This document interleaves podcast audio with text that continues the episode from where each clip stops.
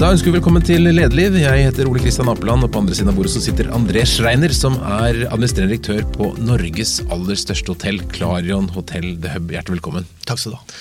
Fortell for de som ikke vet uh, alt om hotellet ditt, hvor, hvor er det, og hvor stort er det? Det er eh, Clarion Hotel The Hub ligger midt i Oslo sentrum, og vi har eh, 810 rom. Vi har konferansefasiliteter opp til eh, 1800 mennesker, og vi har eh, to barer og to restauranter.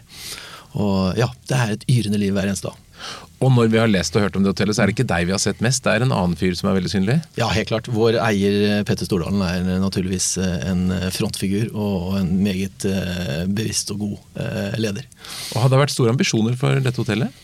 Ja, det har vært det, men det har også tatt veldig veldig lang tid. Fordi at har, man har holdt på med en, en, reguleringsplan i over ni år før vi kom til skudd og kunne begynne å detaljplanlegge og gjøre noe med det. Og så har du litt eierskifter imellom der osv. på også bygningssiden. 810 rom, hvor mange mennesker ansatt? Vi har ca. 400 ja, med hoder. Det er jo en stor bedrift? Ja da, det er en kjempestor bedrift. Og det, er, det som er spennende med hotell, er jo at det er jo ikke bare medarbeiderne, det er jo gjestene som kommer hver eneste dag. Eh, og når du har en liten norsk by eh, innom eh, hver eneste dag som skal tas hånd om og ikke minst gjøres god service for, så, så, så blir det en spennende hverdag.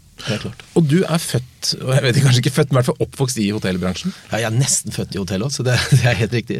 Nei, jeg, jeg, begynte å jobbe i hotell da jeg var tolv, og det har jeg naturligvis på grunn av at du har eh, en familie som eh, har vært i hotell i Fortell om de første opplevelsene.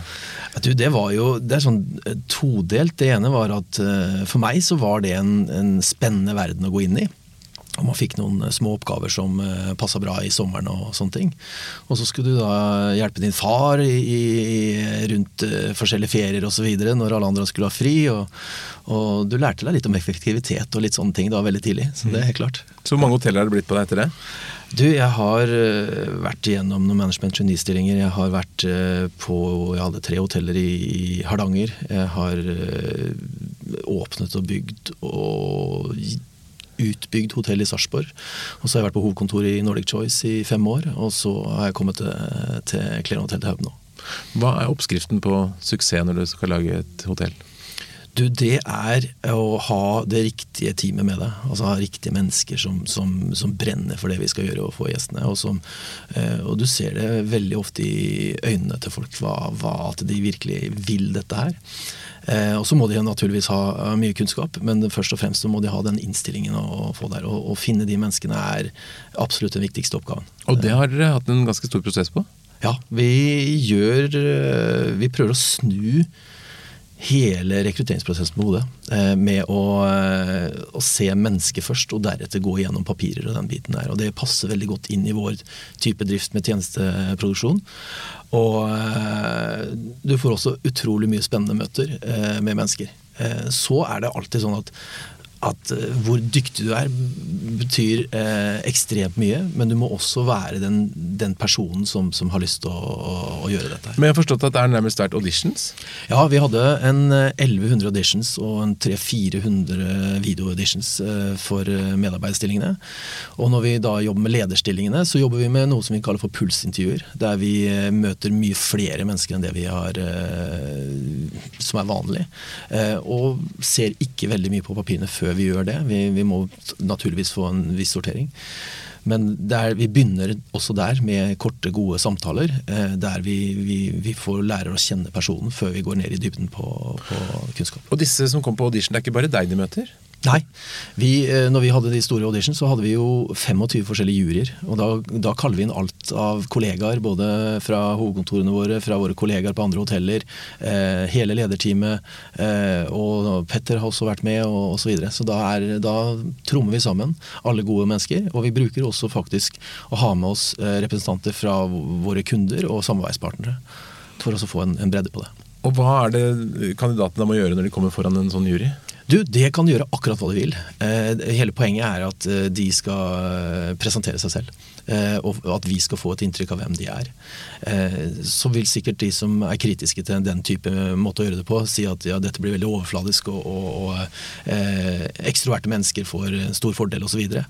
Men det, vi ser jo etter forskjellige profiler til forskjellige steder i huset, og det er hele poenget. Samtidig som vi vil gjerne vise kandidatene at vi setter pris på dem, og at alle er, kan komme til oss.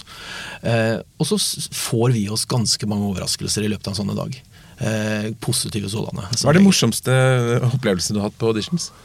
Eh, morsomste på audition? Jeg tror eh, det er eh, når det kommer inn noen som som i utgangspunktet du ikke forventer så mye. Det kan være mennesker som har vært i Norge bare noen måneder, men som plutselig slår til og trykker til på norsk så du bare synger etter. Eh, man har hatt danseoppvisninger, man har eh, mennesker som, eh, som, som, brenner noe helt enormt. Eh, men det er klart når du får eh, dans med store fjærprakter osv., så, og så, videre, så, så overrasker det deg ganske eh, betydelig. Helt klart. Da må du se veldig nøye hvilken stilling det, disse menneskene skal inn i. Helt klart. Hva er det dere ser etter? Du, du ser etter, um, som jeg pleier å si, at kunnskap kan man lære bort. Uh, holdninger kan man ikke lære bort. Uh, det tar i hvert fall veldig veldig lang tid. Så det er jo den uh, å prøve å avdekke mennesker som, som jeg var inne på i stad, brenner for det de ønsker å gjøre. Har en, også en vilje til å, å bedrive service og, og, vet hva det står for. Uh, så er det en del av våre stillinger som er kompetansestillinger, og så er det en del stillinger som er eh, mer produksjonsstillinger som vi kan lære opp på en god, veldig god måte. Eh, og da blir det litt forskjellige profiler på de forskjellige stedene, naturligvis. Så når er det du liksom ser at dette er den rette personen for meg? Jo, vi hadde bl.a. Eh, en av de som jobber i dag med, med guest relation og sånne ting, som, eh, som hadde et eh, ekstremt glimt i øyet. Sa veldig mye gode setninger om det med service, og, og fortalte oss hva hennes oppfatning i service var. Hun er i dag guest relation manager på hotellet og gjør en fantastisk jobb der. sånn. Og Det så vi egentlig veldig veldig tidlig i, i prosessen. Så var det naturligvis en, en fordi mange tror at vi bare har en audition på to minutter, og så ansetter vi. Det er ikke det som skjer. Vi har en audition, vi har en workshop, vi har eh, ett til to intervjuer etter det, pluss da at vi sjekker referanser osv. osv. Og dette gjelder hele hotellet? Ja. Så der ligger enormt mye tid bak ansettelse på dette hotellet? Det gjør det. det, gjør det. Bare, bare, til våre workshoper som vi hadde etterpå. Da ser vi hvordan eh, Etter audition så velger vi da ut, vi valgte ut ca. 700 mennesker. De skulle da få testa seg hvordan de jobber sammen i team. Eh, for samarbeid er også helt essensielt for oss. Hvordan gjorde dere det, da? Du, Vi eh, satte opp workshoper. Eh, holdt på i tre dager. Eh, satte opp workshoper på tre timers tid. og Da kommer de også inn. Det er mat og drikke det er sånne ting. Og så de, blir de satt sammen i grupper av, av seks og seks. Og så gir vi de litt forskjellige oppgaver. Noen abstrakt, ja, det, noen var veldig abstrakte, rett og slett. Eh, som vi kjenner fra, fra, mange andre teorier. altså Det her med å bare skulle bygge et eller annet på bordet sammen og se hvem tar hvilken rolle. Andre ting var mer relatert til hotellvirksomhet. Eh, og så gjorde vi noe veldig morsomt med kjøkkenet. Og der hadde vi rett og slett en eh, masterchef-oppgave. Der eh, fikk vi låne et skolekjøkken på, når skolen ikke trengte det. Og inviterte alle som hadde søkt på kjøkkenet, til rett og slett å, å kjøre en masterchef med dem. Og de lagde da rett og slett mat ut ifra en, en, en, base av råvarer. Og presenterte det for en jury av våre kjøkkensjefer og folk fra Nordic Choice. Fantastisk. Ja, det var kjempegøy. Veldig, er det mange av disse som dere har tatt fra andre hoteller, eller er det folk som ikke har hotellerfaring også? Ja, Det er både òg. Eh, naturligvis så er det En del av oss blir bitt av hotellbasillen, og når man har blitt det, så er det veldig sjelden man forlater den igjen. Så veldig mange har vært i hotell. Eh, men vi har også en del som kommer utenfra. Da fra andre steder av reiseliv, men også eh, fra ikke tilhørende bransjer som f.eks. Eh, konsulenter og, og andre steder. Men da hadde du en, til slutt en, en, en, svær gjeng som du skulle ha på plass til å fungere godt sammen til dere åpnet dette store hotellet 1.3. Mm. mm. Hvordan jobber du for å få alle til å dra i samme retning? Og det er klart Med eh, såpass mange som skal starte på én gang, så er det viktig, det er viktig å, å, dele opp dette her i de teamene det skal være. Få de forskjellige lederne til å begynne å jobbe eh, med sitt lederskap. Eh, og, og, og, bygge de teamene sammen. Vi begynner ikke med å bygge hele teamet sammen, for det, det, blir, det blir litt overfladisk, rett og slett. Og du kommer liksom ikke ned i dybden. Men er det en overordnet visjon, eller, eller? Ja, ja, det er det naturligvis. Vi har både vår visjon på hotellet, men vi bygger jo hele det på Nordic Choice sin, sin Eh, profil og hvordan vi skal jobbe med mm. Eh, men Hva er visjonen for hotellet? Visjonen for hotellet er eh, det samme som for Clarion Hotel. og Det er å, å, gjøre verden til et litt bedre sted både for gjester og for våre medarbeidere. Eh, som ligger i bånn der. Eh, men for oss så er det viktig eh, med det her at vi er ett team. At vi er eh, likestilte alle sammen. At vi, vi ser hverandre. Det, men samtidig at det er lov til å ha Alle må ha sine meninger og, og bringe de til bords. Eh, så transparency, transparency er, er mm. eh, ekstremt viktig. Mm. Så hva er det som skal til? Du sa du skulle gjøre si, verden litt bedre for, for, gjesten. Hva er det som, er det som er liksom avgjørende øyeblikkene for at gjesten skal være fornøyd? Du, jeg tror eh, det, er, eh, det er helt tradisjonelt enkle ting. Og det er at eh, det vi lover, det holder vi. At ting fungerer som, som de ønsker å ha det. Men også at vi gir dem de der små overraskelsene og, og positive opplevelsene utover det de forventer i, i, i en sånn sted. For oss så betyr det at vi har et enormt stort hotell. Eh, og det betyr at for oss har det vært viktig å, å dele det opp. Altså Få opplevelsene, få at gjestene ikke opplever en, altså en, en stor hall der, der, man ser tusen andre mennesker. Det er ikke det som er poenget. Poenget er at man får de små oasene, de små stedene der man kan oppleve noe sammen med to andre, fire andre osv. Så, videre. så selv om du er en konferanse på, på, på 1000 mennesker, så når du skal spise lunsjen din eller du skal spise middag, og sånt, så trenger du ikke å se de tusen andre, men at vi har, uh, har oaser der du kan snakke sammen med de du ønsker å diskutere med, eller ha en hyggelig samtale med. Nå er det jo litt en spesiell situasjon i år, for eh, dere har jo åpnet tre hoteller mm. rett ved siden av hverandre. Det er, litt langt steinkast mellom det. Du klarer å kaste stein over til Amerikalinjen, kanskje? hvis ja, du er god. Det tror jeg vi klarer. Og det... Derfra bort til Bjørvik er det kanskje litt verre. Men, men altså, hva, hva, hva, hva, gjør det med er det, er det, Blir det da en veldig sterk konkurranse mellom dere? Hvordan funker det?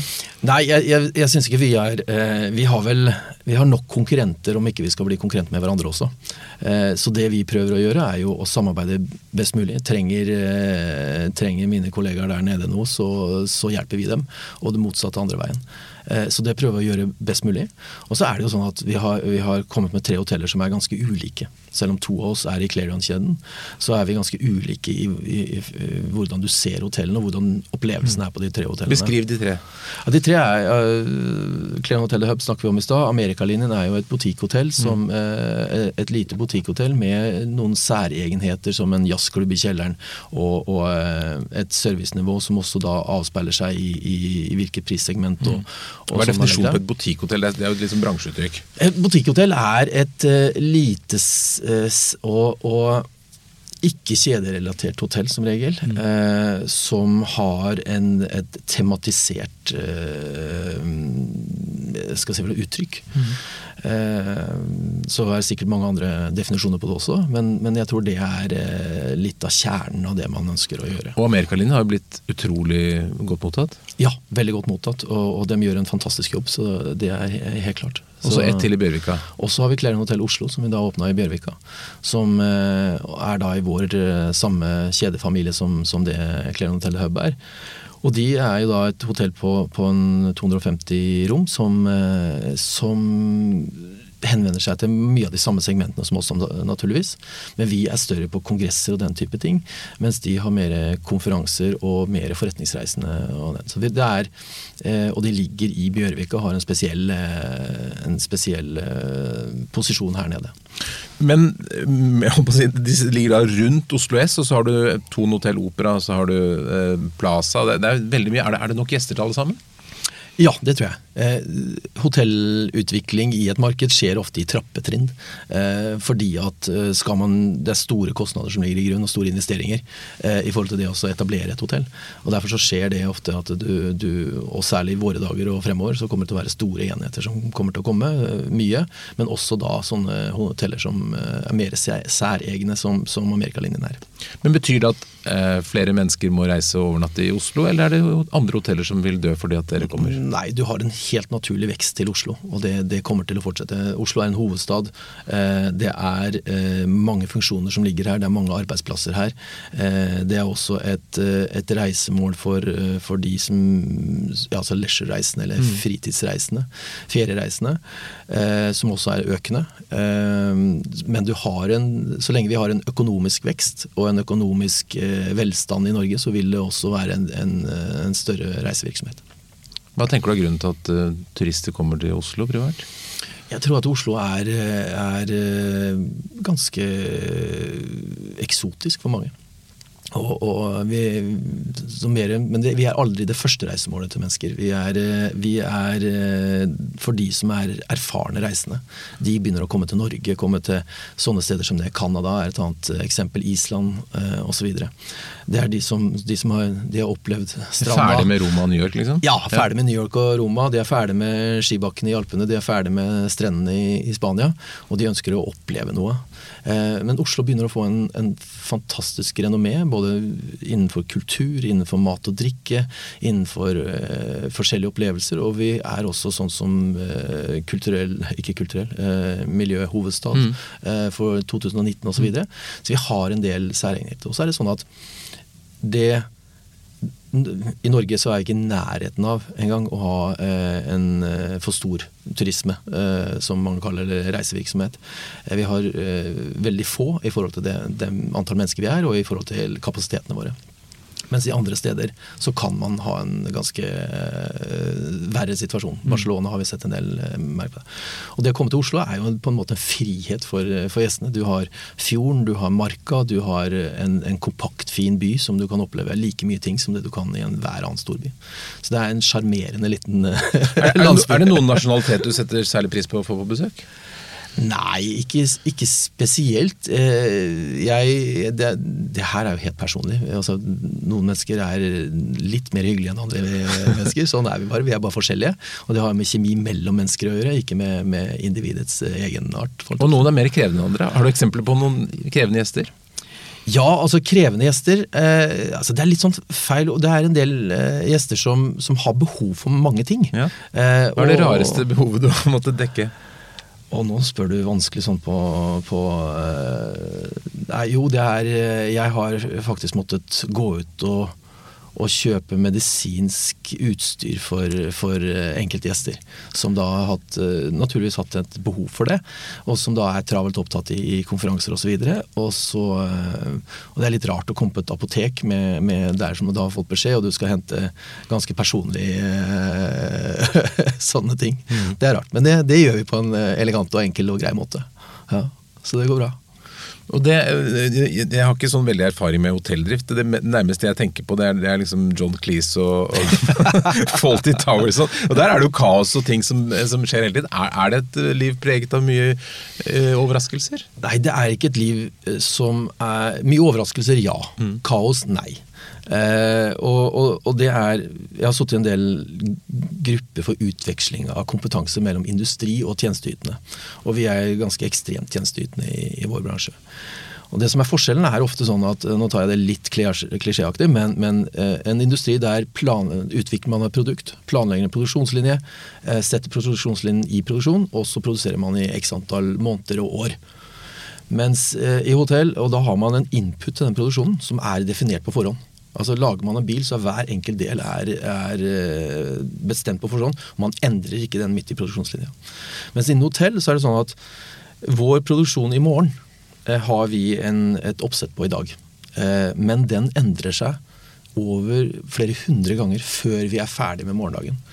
Så vår, eh, vår kompetanse og vår lederstil må passe til at ting hele tiden endres. Det er nye ting som kommer til, ting forsvinner bort. Det er nye utfordringer som vi akkurat var inne på. Eh, og eh, det er behovene utvikles etter hvert som, som prosessen går. Så vi må være mye mer klare til å håndtere endringer enn f.eks. en produksjonsbedrift i en industri der, der, linja er satt opp. Du trenger ansatte som er fleksible, rett og slett? Da. Ja, og som tenker selv. Og, som, eh, og, Derfor så kommer dette her med, som vi var inne på i stad når vi snakka om, om, rekruttering. Det er å finne de menneskene som forstår service, og som er, virkelig har et genuint ønske om å gi service til eh, våre gjester. Det er de som, eh, både ledelsesmessig og eh, de som eh, våre kjære kollegaer eh, og medarbeidere, de det er de som gjør det aller aller best. Hvor store friheter og fullmakter har de ansatte for å gjøre gjestene glad? Ja, Det er ganske store. Altså hvis, du, hvis du kommer til å si at uh, hva har jeg lov til å gjøre for å gjøre gjesten fornøyd, så, så er det nesten frie tøyler. Uh, for hvis det skjer et eller annet der og da som må gjøres, så, så er det bra. Jeg pleier å si det sånn forretningsmessig, så, så sier jeg sånn at vi skal gjøre absolutt alt vi kan gjøre overfor gjestene våre, men vi skal ta oss betalt for det. For det er jo business vi driver ja. Det å jobbe, du, du, Vi nevnte du, du jobber jo i, i Stordalen-verdenen. Han er jo en ekstremt uh, karismatisk leder med en uh, suksessfull podkast og ledelsesbøker og litt av hvert. Hvordan, hvordan, er det å jobbe i et regime hvor han er uh, den store frontfiguren? Du, Vil du gi litt inn i skyggen? Nei. Altså, Jeg føler ikke det, det ikke i det hele tatt. Det er, vi er Husk på, vi er rundt 200 hoteller. Eh, vi har, jeg har ikke telt med alle i Finland nå, så jeg er litt usikker på om det er 200 eller 210 eller hva det er. Eh, vi er over 210 eh, hotelldirektører og administrerende direktører og direktører, hva en tittel vi har, som leder hotellene. Vi har en stort kollegium der. Vi har også et, eh, en total på godt over 17 000 mennesker i vårt konsern. Eh, og vi har en fantastisk eier som, som, inspirerer. Eh, han setter oss ikke i skyggen på noe som helst måte, men han inspirerer veldig. Og vi har vi har våre arenaer som, som, vi skal styre, og vårt ansvarsområde. Og der er det vi som, som leder. Og, og, Petter han leder hele paraplyen vår, som, som tar hånd om hele saken. Mm. Mm. Du er 50 år, du sa du startet i hotellet da du var 12. hva, hva, har skjedd? Altså, er dagens gjest mye mer krevende enn tidligere tiders gjester? Eh, jeg tror gjestene i dag er uh, mye mer bevisste uh, Kall det krevende eller kall det bevisste. De er i hvert fall veldig mye mer bevisste mm. på hva de ønsker. Det som har endra seg mest, er jo kommunikasjonen. Altså distribusjon, kommunikasjon. hvordan vi snakker sammen, hva som er viktig for gjesten, hva de ønsker seg osv. Det har endra seg enormt. Hva er viktigst for gjesten i dag? I dag så vil jeg altså, sånn enkelt sagt er wifi. Mm. Det er connection, connection, connection. Mm, mm. Det her å være en del av eh, av verden til enhver tid, det har jo endra seg totalt.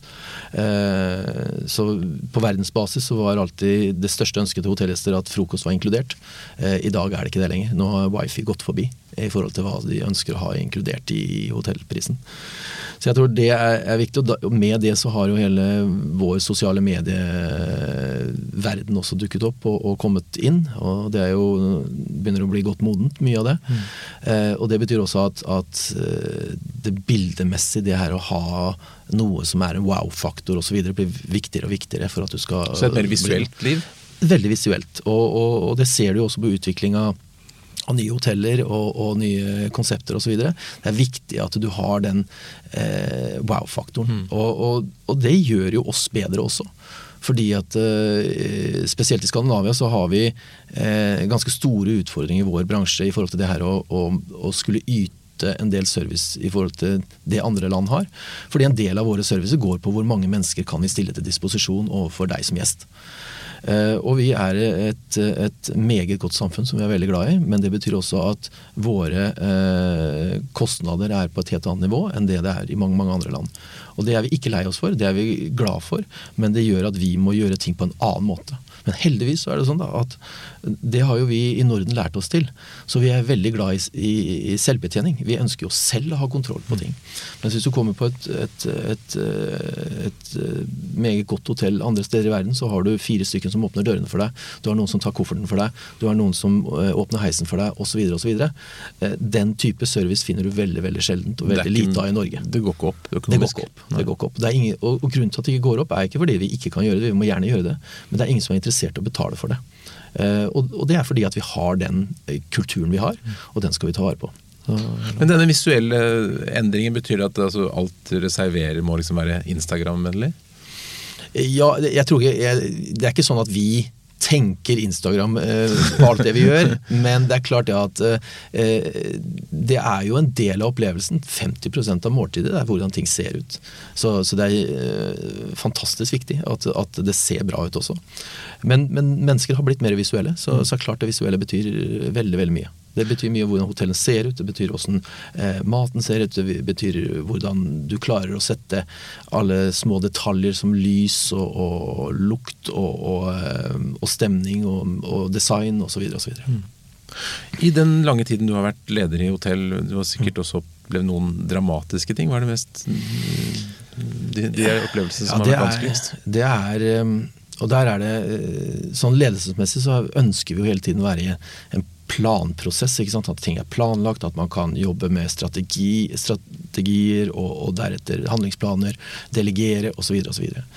Men ved at vi er så levende som vi er, og at vi har gjesten så langt fra oss til enhver tid, så, eh, så, skjer det mye ting. Og det er klart, Jeg har vært med på en del dramatiske hendelser. Alt fra eh, i en by der eh, en fabrikk holdt på å gå i lufta, som det var evakueringer. Vi fikk fylt opp hele hotellet med, med evakuerte, som du da må, må håndtere. Eh, til eh, et hotell som jeg drev, som eh, fikk beskjed om fra en ingeniør om at nå kom halve bygget til å falle ned, som var nybygd. Eh, og vi måtte evakuere og sette i gang til gisselsituasjoner osv. Det, er, det, det er krevende, eh, men samtidig så pga. det at vi til enhver tid er vant til endringer, så setter vi oss ganske raskt inn i det og, og håndterer det. Vi har jo uh, våre planer for, for krisesituasjoner osv. fordi at vi er så levende og så mye mennesker innom. Men det krever mye, og det gjør at du reflekterer ganske mye etterpå i, forhold til de menneskene som er involvert i det, og hvilket ansvar du har, og, og hvordan du skal løse de tingene. Hva har de situasjonene lært deg? Det, det, lærer meg igjen hvor viktig teamet ditt er. Eh, hvor viktig det er å bygge opp en, en eh, tillit og, og, og transparens eh, i organisasjonen som gjør at folk stoler på deg. Eh, og har tro på at du, du, gjør de riktige beslutningene. Fordi at når vi kommer i sånne situasjoner, så skjer det veldig raskt. Og, og det betyr mer enn et, et, eh, om et overskudd blir en tiendedel bedre eller dårligere. Det betyr faktisk menneskers eh, velvære. Eh, og, og holdt på å si veldig dramatisk liv, men, eh, men noen ganger kan det være det også. Det var et vanskelig valg, f.eks. det du sa med hvis du ble varslet at hotellet kunne rase sammen. Så skal man tro på det? skal man så, Ja, og det, det, var faktisk akkurat det som var situasjonen der. Mm. fordi at det, Jeg kunne ikke forstå det, for jeg hadde vært med i hele den byggeprosessen. Mm. Og, og, det var ikke, Men jeg har jo ikke noe valg. Så vi gjorde de riktige tingene i forhold til uh, å tilkalle de myndigheter som skulle gjøres, gjøre de evakueringer som skulle gjøres osv.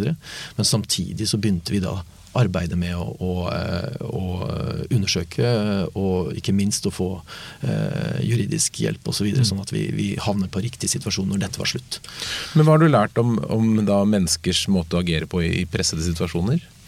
Ja, det er et helt eget kapittel. Kom igjen. Eh, det, er, eh, det, er, stor forskjell mellom mennesker eh, hvordan man agerer. Men, men man kan uansett Noen blir redde. Noen blir passifiserte. Noen blir veldig handlingsdyktige. Men veldig mye kommer an på hvordan man leder det. Og at man beholder oversikten, roen, tar kommandoen. For det er der mange ledelse trengs. Eh, og i de situasjonene mer enn noen gang. Fordi da har man eh, ansvaret i en hverdag, så har man i hvert fall ansvaret når man kommer opp i vanskelige situasjoner. Og da endrer du lederstil litt også? Ja, det er klart. Det, man, er ikke, man, har ikke så lange utredninger og, og, og, og, involveringer da som det man har eh, ellers. Men, men, man må jo prøve å være den man er. Jeg har mange, Når noen spør meg om råd i forhold til ledelse, så er mitt første råd at du må finne en lederstil som passer din person. Så du kan ikke endre lederstilen for mye i sånne situasjoner. Lederstilen din må på en måte takle å komme i forskjellige situasjoner. Eh, og, men du må også finne lederstilen som passer din person. Men har din kan... lederstil endret seg over tid? Er du en annen leder ja. enn du var for ja, ja, ja. ja, På hvilken måte? Nei, altså Man lærer jo noe hele tiden. Eh, og man får seg noen eh, lærepenger, og man får sånn, noen råd her og der. Og, og, eh, men jeg prøver jo Jeg er mye mer inkluderende. Jeg er mye mer eh, bevisst på min egen rolle. Mm. Jeg er mye mer eh, eh, delegerende eh, enn det jeg var, var, tidligere. Det har litt med type bedrift du leder også. Eh, type bedrift, type kollegaer eh, betyr at du er nødt til å gjøre ting ulikt. Har du et eksempel på hvordan du har vært noen, Har du gjort noen feil som du har lært av som leder? Ja, jeg tror eh, en feil som har gått igjen et par ganger, og, og som eh, Jeg ble hotelldirektør første gang jeg var 29, og da var, jeg, da var jeg jo ganske grønn i forhold til det å skulle lede andre mennesker. Du, du har liksom din Eh, personligheten ligger der, og du tar, trykker til osv. Det var derfor jeg ble, eh, ble direktør. Men, men, eh, så må du lære deg å gjøre det her på ordentlig måte, og formelt. Ja, hvordan var det som 29-åring? da? Hvordan var du først, før du ble flink?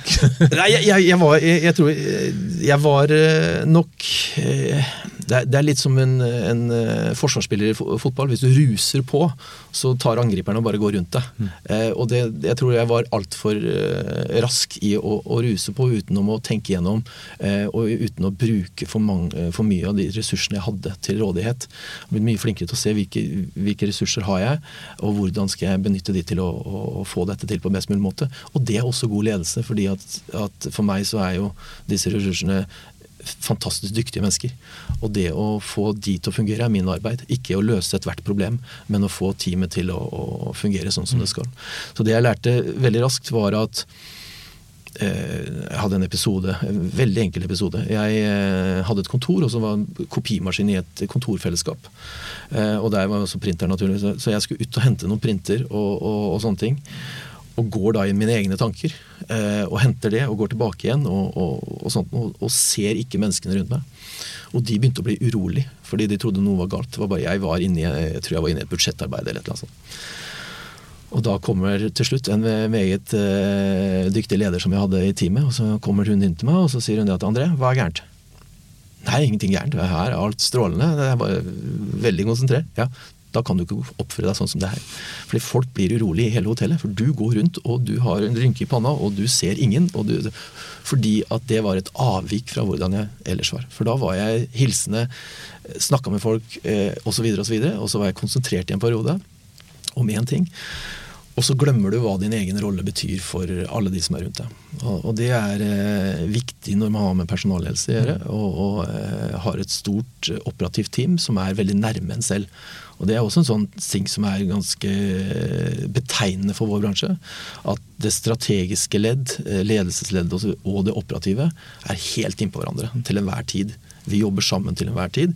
og Det betyr at det må vi også ta hensyn til i forhold til hvordan vi leder, og, og uh, hvilke prinsipper som må settes opp for at det skal fungere. Må du selv på gulvet noen ganger òg? Ja. Vaske rom eller? Det har jeg også gjort. Eh, det er ikke mange månedene siden, for å si det sånn. Eh, og det har vært streikesituasjoner osv. osv. Det er jo ikke noe som vi på noe som helst måte legger opp driften for at det skal være sånn. Men eh, det kan skje uforutsette ting eh, som gjør at vi må hjelpe hverandre, og da hjelper vi hverandre. Eh, og det kan også være eh, litt sånn Vi har noen ganger store banketter og sånne ting, og da er det, det er litt teambildende, rett og slett. Mm. Å tromme sammen hele administrasjonen for å hjelpe til, fordi vi skal tørne et rom på, på en stor sal på, på under to timer. Og så, så trommer man sammen alle sammen, og så gjør man en jobb sammen. Og da er det utrolig mye latter, utrolig mye eh, spennende. Og så ser alle at alle bretter opp eh, skjortearmene. Mm. Og det gjør noe med teamet. Fordi som sagt, vi ser hverandre hver eneste dag. Og da er det det å vise at, at her er vi på samme team og, og gjør den samme jobben, det, det gjør underverker. Mm.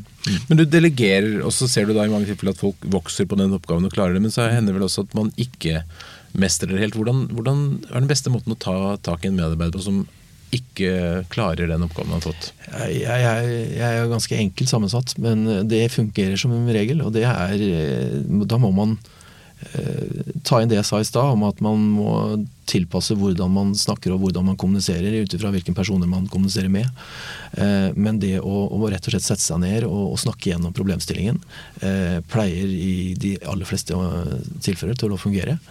Eh, så det, det, går jo på utvikling, utvikling, utvikling. Og hvis ikke det er mulig, så må man se på eventuell omplassering og avvikling. Men, men det er veldig lenge før man kommer dit. Eh, fordi har man gjort en eh, man, Du kan være uheldig i, i, rekrutteringer, det er helt klart.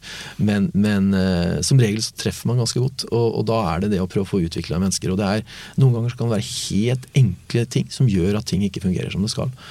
og det kan være så små ting som altså, Er folk litt usikre, så er det viktig å få, få, dratt det ut og, og få klarhet i det.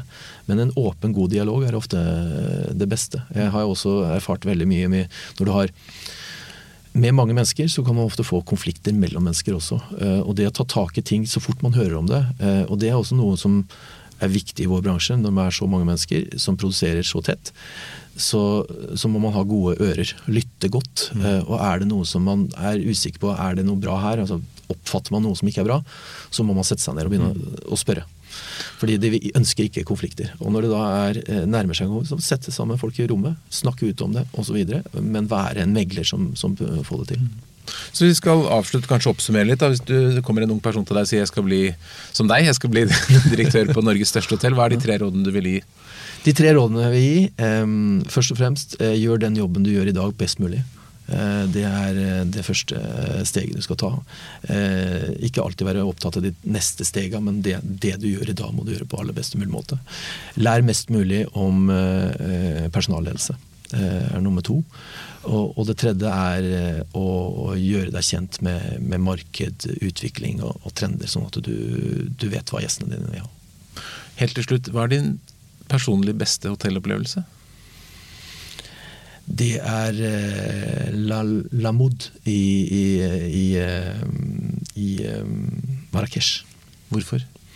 Det var en spesiell anledning, men det var også et hotell som, som hadde noen serviceaspekter som var helt fantastiske. Et, en gjestfrihet og en oppfølging som var helt enorm. Så det er dit du vil med hotellet ditt, eller? Ja, men vi må gjøre det på vår måte. Vi må gjøre noe helt annet. Men det vi prøver å gjøre, er jo, som jeg sier, vi, vi satt oss et litt umulig mål, og det er å ha en, en intim atmosfære i et veldig stort hotell. Og det krever mye av oss på servicesiden. Spennende. Jeg ønsker deg lykke til videre. Tusen takk, takk André Scheiner, for at du kom til Lederliv. Takk.